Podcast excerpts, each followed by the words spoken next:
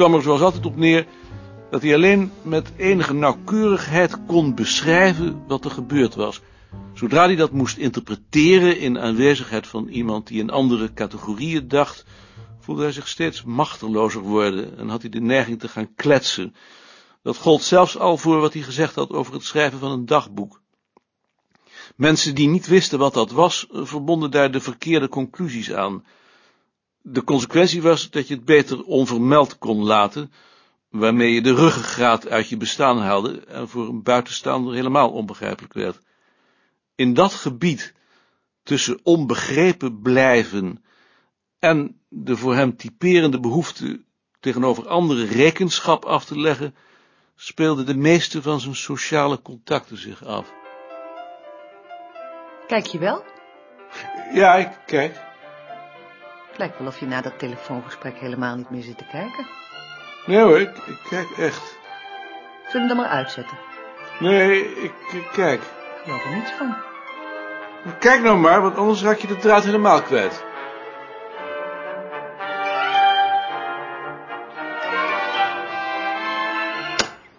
Hij haalde een fles Kirsch en twee flessen jenever op de Elandsgracht en daarna bij Van der Gracht hart voor de katten en een hamlap van twee ons voor henzelf. Op de terugweg passeerde hem een wat verlopen, lange, magere man in een rode trui. Goedemorgen. Morgen. Het had iets bedreigends, maar het amuseerde hem ook. Toen hij erover nadacht, realiseerde hij zich dat hij sinds hij niet meer werkte vaak op straat werd gegroet. Vroeger nooit.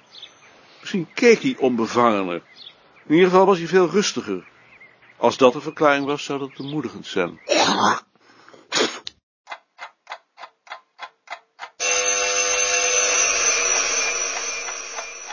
Midden in de nacht schrok hij wakker van de bel. Het geluid klonk nog na in de stilte. Hij ging op zijn rug liggen en luisterde. Maar het bleef stil. Hij deed voorzichtig zijn ogen open. Bij de gordijnen was het donker. In het trappenhuis brandde geen licht. Langzaam ontspande hij en stelde vast dat hij triest was. Dezelfde triestheid van vroeger, ochtends als hij wakker werd, voor hij naar zijn werk moest.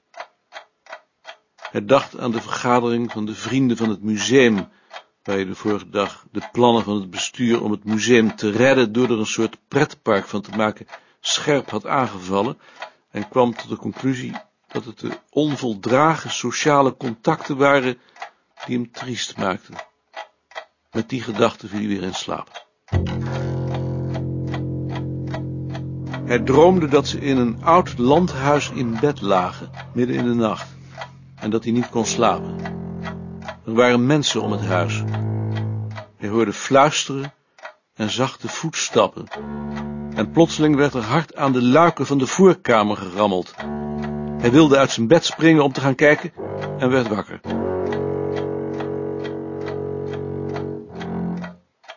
Het lawaai was nog in het huis. Hij had een paar tellen nodig voor hij wist waar hij was en het landhuis had teruggebracht tot zijn eigen huis met alleen een voordeur. Hij luisterde. Zijn lichaam was gespannen, nog gereed om uit bed te springen. Kon het in godsnaam geweest zijn? Iemand die de trap afrolde? Maar in huis bleef doodstil. Hij herinnerde zich dat hij alles eerder zoiets gedroomd had. Het zat in zijn hoofd. En dat gebel waarschijnlijk ook. Dat zich binnen je schedel dergelijke ontploffingen voordoen, had iets beangstigends. Maar tegelijkertijd hield de zekerheid dat hij er niets aan kon doen hem kalm. Het kon de voorbode zijn van een hersenbloeding. Het kon van alles zijn. En zolang iets van alles kon zijn, deerde het hem niet.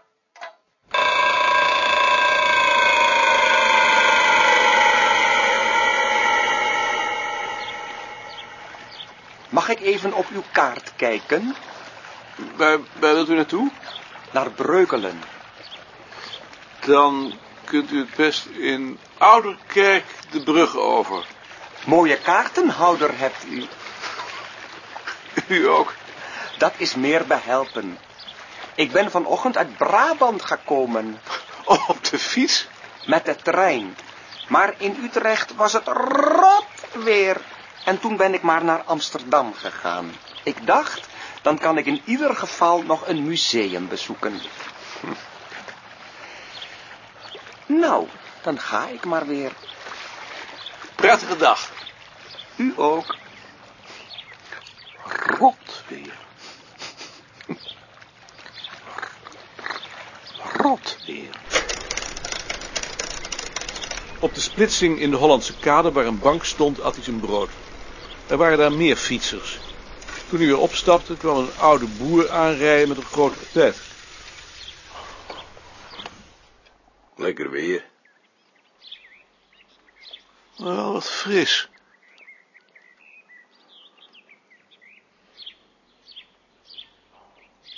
Maar ook lekker droog.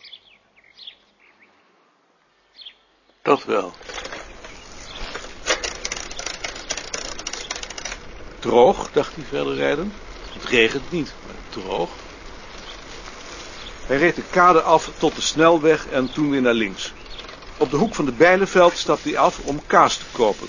Twee mannen bij een huis aan de overkant riepen dat er niemand thuis was. Hij liep naar hen toe. Twee oude mannen, broers. De jongste was zo te zien debiel. De oudste man had een onaangenaam gezicht.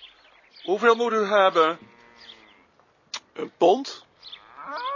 Dat kan niet. Minstens een kilo. Hij wil een pond. Dat kan niet. Misschien heb ze nog een stukje leggen. Nee, een pond dat kan niet. Een kilo kan ik niet in mijn eentje opkrijgen. Ja, die kaasje is bijna een kilo. Nee, het kan niet. Ik probeer het wel ergens anders. Doet u dat maar. Een kilo, Kenny. Oh, closer.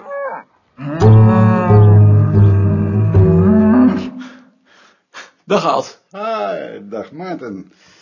Ik wou hier een poosje komen werken. Ik moet een lezing houden op een congres van Duitse bouwhistorici. Hebben ze je toch weer weten te strikken? Een jaar geleden beloofd. Hoe lang blijf je nou nog in het bestuur van die boerenhuisclub?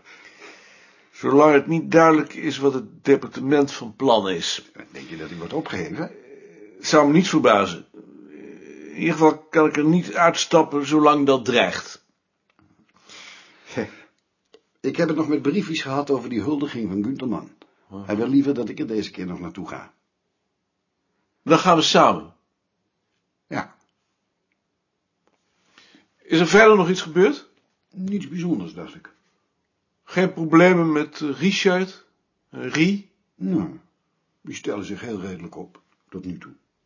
Des te beter. Dan ga ik maar naar boven.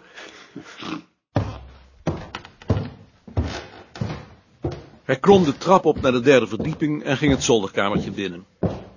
Hij legde zijn tas op het uitschuifblad van het bureau van Beerta, zette de ramen open, hing zijn jasje op, verplaatste zijn schrijfmachine naar de zijkant en ging zitten. Een tijd lang zat hij zo, voor zich uitkijkend, zijn armen op de leuningen. Net als vorige keren gaf het kamertje hem een gevoel van veiligheid, alsof hij onbereikbaar was geworden. Hij kon zich enigszins voorstellen wat het bureau voor Beerta betekend had toen hij gepensioneerd was, hoewel hij zelf, zodra hij aan het werk dacht, een geweldige tegenzin voelde. Die had Beerta zeker niet gehad. Terwijl hij daar vaag over nadacht, luisterde hij onbewust naar de geluiden die uit de diepte van het gebouw gedempt zijn kamer binnendrongen. Het openen en sluiten van een deur. Voetstappen op de trap.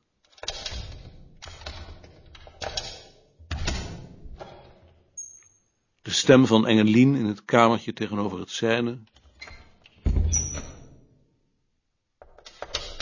Het doortrekken van de wc.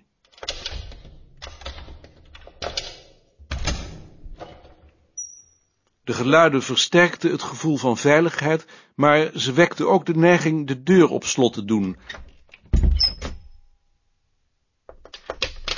Hij vermande zich, haalde een dossier uit het bureau, sloeg het open en verdiepte zich erin. Na enige tijd stond hij weer op en verliet het kamertje.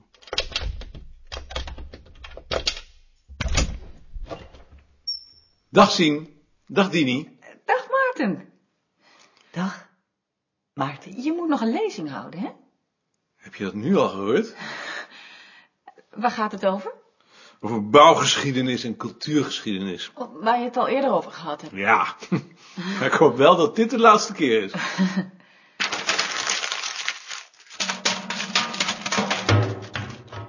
Dag, meneer Koning.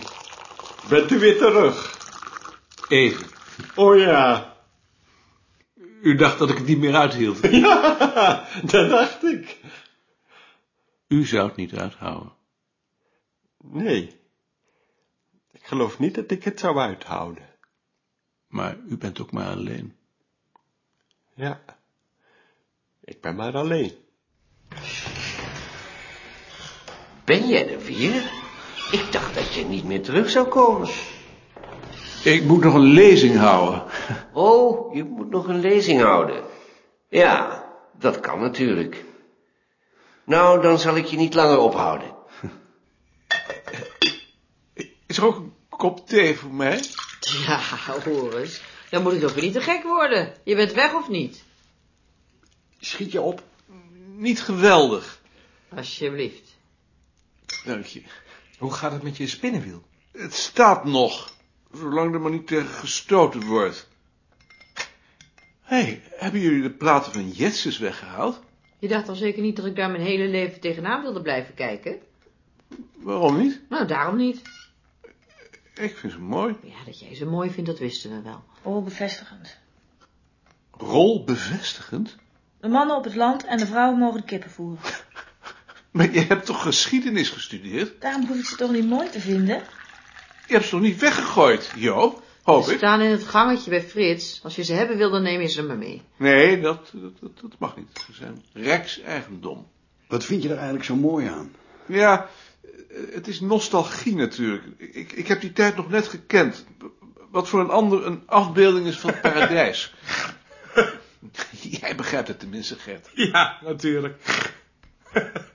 Heb je al gehoord dat we van plan zijn om hier aan de achterkant ook vijf kamertjes te maken, net als hierboven bij Volkstaal?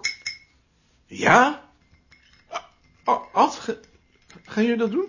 Het is nog maar een plan. En waar wou je dan vergaderen? In de kamer van briefies. En wat doe je dan met de vergadertafel? Daar hebben we nog geen oplossing En de voor. boekenkasten? Je bent te snel. Was iedereen daarvoor, Tjitske? Kan me niet schelen hoor. Als ik maar hier mag blijven zitten. Ik eh, ben er niet voor. Even en Lien vinden dat er niets veranderd mag worden. Vroeger waren hier vijf kamertjes. Toen Balk en ik het gebouw voor het eerst bezochten, was er een smalle, donkere gang in de breedte van het gebouw en er kwamen vijf deuren op uit. Ik vond dat benauwend. Net als bij volkstaal, verschrikkelijk. Je zit nu zelf toch ook op een kamertje? Omdat ik er niet meer bij hoor. Maar als je een team moet vormen, is het de pest. Het is de enige manier om niet van je werk te worden gehouden. Ja, dat vind ik eigenlijk ook. Ik ga weer aan het werk.